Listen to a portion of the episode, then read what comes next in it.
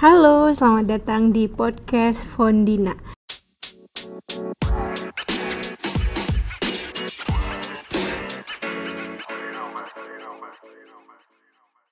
Kali ini uh, aku mau bernostalgia sedikit nih sama teman lamaku, Mas uh, Dodo. Halo Dodo, apa kabar? Halo, Alhamdulillah baik. Gimana Fondi kabarnya? Baik, baik. Aduh, lama banget ya kita nggak ketemu, nggak yang iya. video call kayak gini. Untung, untung banget ya ada Zoom meeting. Kalau dulu kita nggak kepikiran ya kayak Zoom Zoom ini karena pandemi ini iya. kita jadi tahu teknologi lagi. Iya, kita jadi uh, paham mana sih uh, teknologi dan apa gitu yang bisa mensupport kita ketika kita uh, dipisahkan oleh jarak kayak gitu. Iya, benar. Dodo, apa nih kesibukannya sekarang? Uh, aku kesibukan apa adalah seorang pengajar di salah satu sekolah negeri yang ada di Tanjung Jabung Timur, khususnya Provinsi Jambi.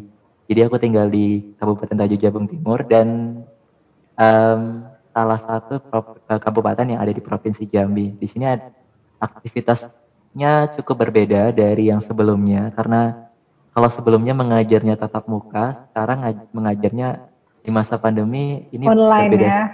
Ya serba online. Kemudian uh, banyak banget uh, yang harus kita pelajari untuk bisa menyampaikan materi kepada siswa.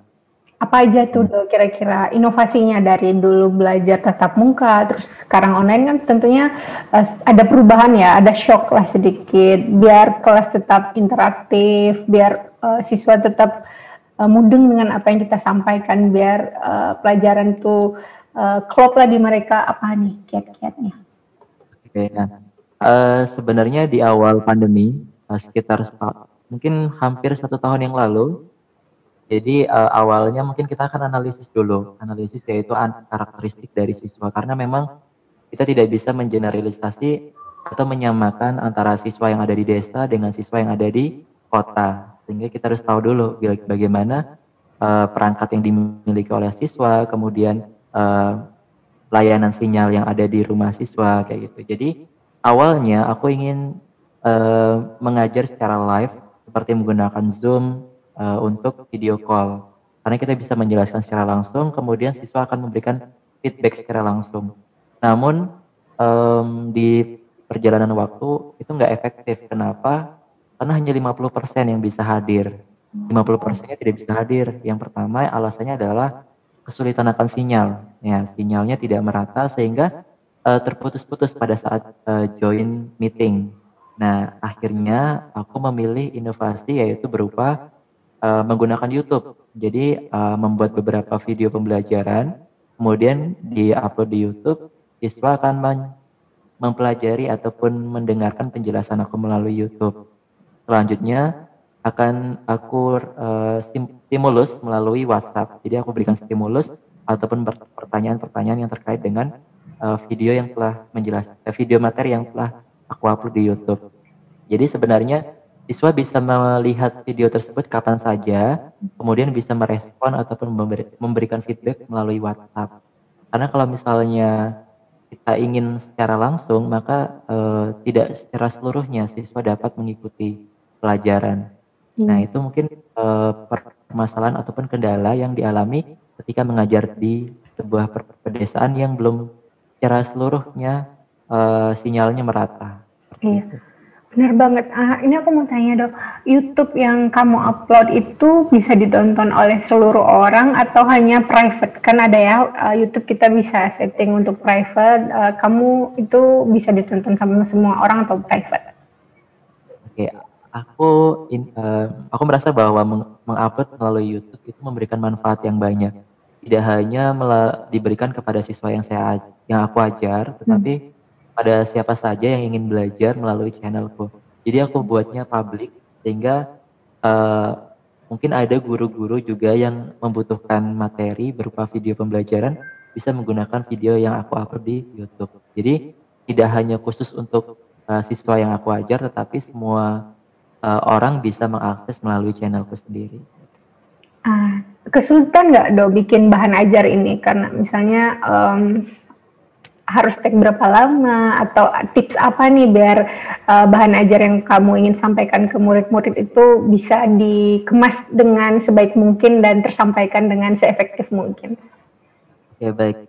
Uh, jadi sebenarnya uh, menggunakan membuat video pembelajaran itu cukup kompleks ya, bukan rumit tapi kompleks. Nah, awalnya mungkin kita akan membuat skrip terlebih dahulu agar uh, mempermudah kita untuk menjelaskan kepada siswa skrip tersebut dibuat sesimpel mungkin uh, dengan bahasa yang mudah dipahami tanpa merubah makna dari materi yang disampaikan.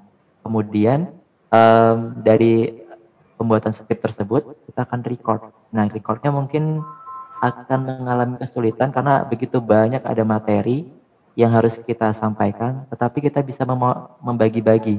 Jadi um, ada pengelompokan, misalnya materi ini dijadikan empat uh, video atau lima video dalam setiap video itu sekitar uh, eh, 3 sampai 5 menit sehingga siswa tidak akan merasa bosan ketika mendengarkan ataupun menonton penjelasan kita. Tipsnya kalau bagi Bapak dan Ibu guru yang sulit menghafal, uh, tipsnya adalah skripnya ditempel di, di depan di dekat kamera. Tetapi uh, ditempelnya sesuai dengan arah pandang kita sehingga hmm. uh, gini tidak aneh kalau misalnya kameranya di mana pandangan kita ke mana? Ya benar ya. benar. Jadi kita harus tahu di mana posisi uh, pandangan kita. Nah di situlah dilihat diletakkan um, tip, uh, skripnya. Kemudian uh, untuk editnya bisa menggunakan aplikasi-aplikasi yang simple yang simple yang bisa di um, bisa menggunakan gadget ataupun handphone tanpa harus menggunakan laptop. Iya. Kalau aplikasi, aplikasi yang saya gunakan, eh, yang aku gunakan itu Insure? Ada banyak sebenarnya. Mm -hmm. Ya, Insure salah satunya. Kemudian aku pakai VN. VN ya. Nah, kalau misalnya ya pakai kalau pakai KineMaster kan biasanya ada watermarknya yang mm -hmm. gratisnya. Jadi aku pakai yang VN. VN, iya. Iya benar banget. Ah, terus dok, kamu tahu dari mana? Misalnya nih satu kelas uh, ada sekitar 20 atau 15 orang ya, taruhlah 15 orang. Kamu yeah. tahu dari mana ke-15 murid itu telah menonton uh, video pembelajaran yang telah kamu upload di YouTube tadi? Oke, okay. uh, eh, supaya aku tahu bagaimana mereka nonton atau tidak tentang hmm. YouTube yang saya yang aku share, aku bisa meminta mereka untuk komen di di di kolom komen dengan nama dan kelas. Jadi mereka akan menonton sambil komen. Nah, komen tersebut nama mereka. Nah, kemudian nanti di di akhir ataupun pertengahan video, aku meletakkan uh, soal ataupun pertanyaan yang harus mereka jawab dan dikirim melalui WA. Uh, pengirimannya secara WA pribadi bukan WA grup. Karena hmm. kalau misalnya WA grup bisa dilihat sama teman-temannya. Iya, iya. Jadi sejauh ini hampir hampir satu tahun ya Do ini ber, ya, berlangsung ya? Dan iya, satu tahun. Ini lumayan efektif berarti ya? Iya, kalau menurut aku sih lebih efektif daripada uh, video, uh, video conference secara langsung. Uh, udah ada yang mulai ke sekolah belum dok? Kalau dulu, uh, kalau sekarang ya keponakanku di di kampungku di desaku udah ada yang mulai sekolah nih seminggu sekali, seminggu dua kali. Kalau di Jambi gimana? Uh, untuk wilayah aku sendiri belum ada yang masuk sekolah karena memang masih uh, belum ada izin untuk melaksanakan uh, pembelajaran tatap muka, tetapi ada beberapa siswa yang mengalami permasalahan jaringan ataupun permasalahan kuota, siswa diizinkan untuk ke sekolah untuk mengambil bahan dan bertanya secara langsung kepada guru di uh, di saat ke sekolah. Jadi siswa bisa bertanya-tanya tentang apa, uh, tentang pelajarannya. Kadang siswa juga bingung boleh tanya, tapi tetap uh, melakukan protokol kesehatan seperti menggunakan masker, mencuci tangan dan menjaga jarak. Oke, berarti kamu juga uh, ke sekolah nih? Uh, kalau untuk guru itu ke sekolah tetap, tapi memang uh, biasanya ber, uh, ada yang bergantian, ada juga yang uh, semuanya ke sekolah, tetapi kita biasanya um, tetap jaga jarak. Kemudian kita punya apa ya? Kalau aku kan salah satu teknisi di ruang komputer, hmm. jadi aku sering sering beraktivitas di ruang komputer dibandingkan di ruang guru. Oh, oke. Okay. Uh, berarti uh, sejauh ini so far so good lah ya untuk uh, pembelajaran yeah. di, yeah. di sekolah. Nah, ini aku mau tanya lagi nih dok. Uh, aku lihat sosial media kamu kan kamu lumayan aktif nih di pariwisata, iya. jalan-jalan, sampai kemarin ke Jambi juga oh. terakhir. Lumayan jauh kan ya dari Tanjung Jabung ke Jambi, eh ke Kerinci, ya. sorry, ke Kerinci. Ya. Nah, itu gimana gimana um, cerita perjalanan kamu mengelola sosial media dengan follower yang uh, sudah banyak banget menurutku. Nah, gimana nih tipsnya? Karena kan dulu aku lihat kamu lumayan okay. sibuk ya, Do. Uh, aku uh, kasih hmm. background Dodo, Dodo dulu nih ke kalian. Dodo itu yeah. penerima LPDP juga satu P, satu PB dulu sama aku di UNY. Terus kamu juga hmm. Dulu juga kuliah di Malang jurusan hmm. fisika, magister fisika, yeah. pendidikan fisika. Ah, gimana kamu menyambi-nyambi? Oh, biar konten tetap jalan, sekolah tetap jalan, sekarang mengajar tetap jalan itu gimana caranya? Oke, okay, uh, eh, sebenarnya aku memang suka jalan-jalan dari dulu, maksudnya dari aku awal kuliah di S1 maupun S2. Jadi um, karena aku suka jalan-jalan, jadi uh, personal branding aku di Instagram atau sosial media aku adalah jalan-jalan. Tapi jarang orang yang mengenal aku sebagai seorang pendidik seperti itu. Nah, bagaimana sih mengolahnya? Karena aku butuh konten, maka aku harus eh, jalan-jalan, harus mencari um, referensi baru kayak gitu. Gimana untuk manajemennya? Biasanya aku mencari waktu waktu-waktu libur uh, untuk pergi. Misalnya aku sudah sudah men, men setting bahwa oh liburan ini aku mau ke mana? Seperti ke Kerinci, itu sebelum pandemi ya. Sebelum yeah. pandemi aku sempat ke Rinci uh, jadi di liburan uh, semester ganjil kalau nggak salah. Nah kemudian siswa libur maka aku siap-siap untuk berangkat ke Kerinci. Uh, tiga hari di sana kemudian aku balik lagi ke uh, tempat aku tinggal. Nah gimana mengolah sosial media? Uh, bias sebagai seorang bukan influencer sih ya mungkin hobi di sosial media itu penting banget yang namanya konten. Jadi kalau misalnya setiap akhir pekan aku sering banget eh, jalan-jalan uh, meskipun hanya ke taman untuk mengupload uh, konten baru. Selain itu juga aku nulis di blogger. Jadi ada aku punya blogger eldoclass.com dan itu uh, biasanya sinkron antara perjalanan aku yang aku upload di Instagram dengan yang aku ceritakan di blogger. Iya, berarti kan nggak harus uh, semu, nggak harus anak pariwisata ya yang jalan-jalan, nggak harus anak pariwisata ya yang punya blog. Berarti semua orang, siapa pun kalian, itu sebenarnya bisa jadi influencer di bidang pariwisata atau memang jadi konten kreator lah di bidang di bidang pariwisata dengan punya blog, dengan mengelola sosial media. Gitu. Hmm, benar. Uh, iya, menurut aku juga seperti itu karena memang kita uh, di di era sekarang apalagi millennials itu kan erat banget yang namanya digital. Jadi menurut aku ketika aku ingin berbagi kepada orang lain tidak harus dengan cara uh, langsung bercerita tetapi aku bisa bercerita melalui tulisan juga melalui foto gitu. Karena memang uh, kalau dibilang background pariwisata uh, aku pernah menjadi bagian dari pariwisata yaitu menjadi kayak ambasador hmm. pariwisata di ya duta seperti itu di uh, kabupaten tempat aku tinggal. Jadi kayaknya aku punya perlu uh, punya apa ya bukan kewajiban tapi harus responsibility lah ya.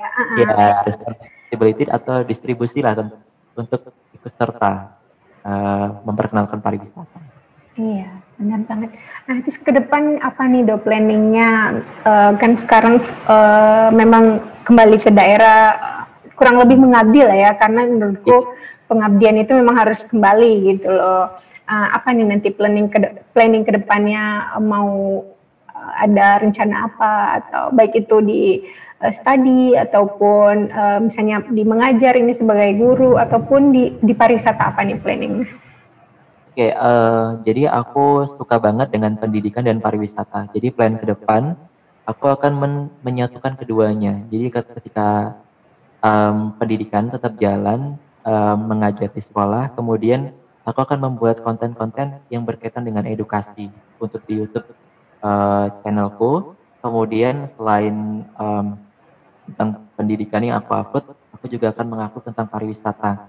Jadi aku akan mengunjungi tempat-tempat yang menurutku perlu untuk dipublikasi, yeah, ya di expose. Jadi aku akan kunjungi, kemudian aku akan, akan bagiin kepada orang lain. Ke depan um, aku juga akan sering sharing-sharing kepada orang-orang yang benar-benar luar biasa untuk aku ajak ngobrol, kemudian aku buat menjadi konten dan aku sharing kepada banyak orang. Karena memang sebagai uh, millennials, sekarang kita harus membagikan sesuatu, gak harus bertemu, tapi bisa iya. melalui digital. Iya, benar-benar banget. Oke, okay, thank you perbincangan kita hari ini, Dodo. Kamu ada pesan apa nih untuk teman-teman? Ada nggak pesan-pesan, misalnya baik itu dalam uh, berkarya ataupun dalam pendidikan? Oke, okay, uh, pesan aku sih buat teman-teman, um, ketika kita ingin melakukan sesuatu, kecil apa pun, uh, mulailah terlebih dahulu. Jangan takut untuk uh, ini baik, ini bagus atau enggak, tetapi kita mulai terlebih dahulu. Kadang ketika kita tidak memulai kita tidak akan tahu hasilnya. Kayak misalnya menjadi seorang konten uh, creator itu juga harus dimulai dulu. Kalau tidak dimulai maka kita tidak akan pernah jadi bergerak. Seperti itu. Kemudian kalau dari dunia pendidikan um, sebenarnya kita sebagai um, generasi millennials mari kita bagikan hal-hal yang positif apa pun itu yang terkait positif nah kita bagikan kepada orang banyak. Sehingga ketika kita membagikan hal-hal yang positif, maka hal-hal yang uh, kurang baik itu akan tertutupi oleh hal-hal yang positif. Sehingga banyak yang berpikir positif Oke, okay, thank you Dodo. Boleh nggak uh, di spill yeah. nih uh, sosial medianya biar teman-teman bisa uh, silaturahmi ke sosial media Dodo, baik itu tanya tentang pendidikan, konten maupun uh, S2 pendidikan fisika di di di Brawijaya ya dok. Iya, bukan Universitas Negeri Malang. Oh sorry, di Universitas Negeri Malang. Jadi teman-teman bisa nanti silaturahmi ke Dodo. Silakan dok sosial medianya. Oke, buat teman-teman nih yang mau silaturahmi dengan aku bisa kunjungin uh, sosial media aku di Instagram itu ada L underscore Widodo. Kemudian kalau teman-teman ingin tahu uh, perjalanan aku baik tentang pendidikan maupun tentang uh, pariwisata, bisa kunjungin blog pribadi aku di www.eldoklas.com. Kemudian kalau ingin menonton secara langsung aku bercerita, bisa uh, kunjungi channel aku di eldoklas.com. Ya harapannya bisa di subscribe supaya aku lebih semangat untuk berkarya. Iya. Terima kasih. Jangan lupa loh subscribe karena ya, uh, iya. buat kalian yang punya ponakan ataupun punya adik-adik di sana bisa belajar dari YouTube channelnya Dodo soal uh, pembelajaran. Gitu. Oke, okay, thank you teman-teman yang udah dengerin podcast kali ini. Sampai ketemu di episode selanjutnya.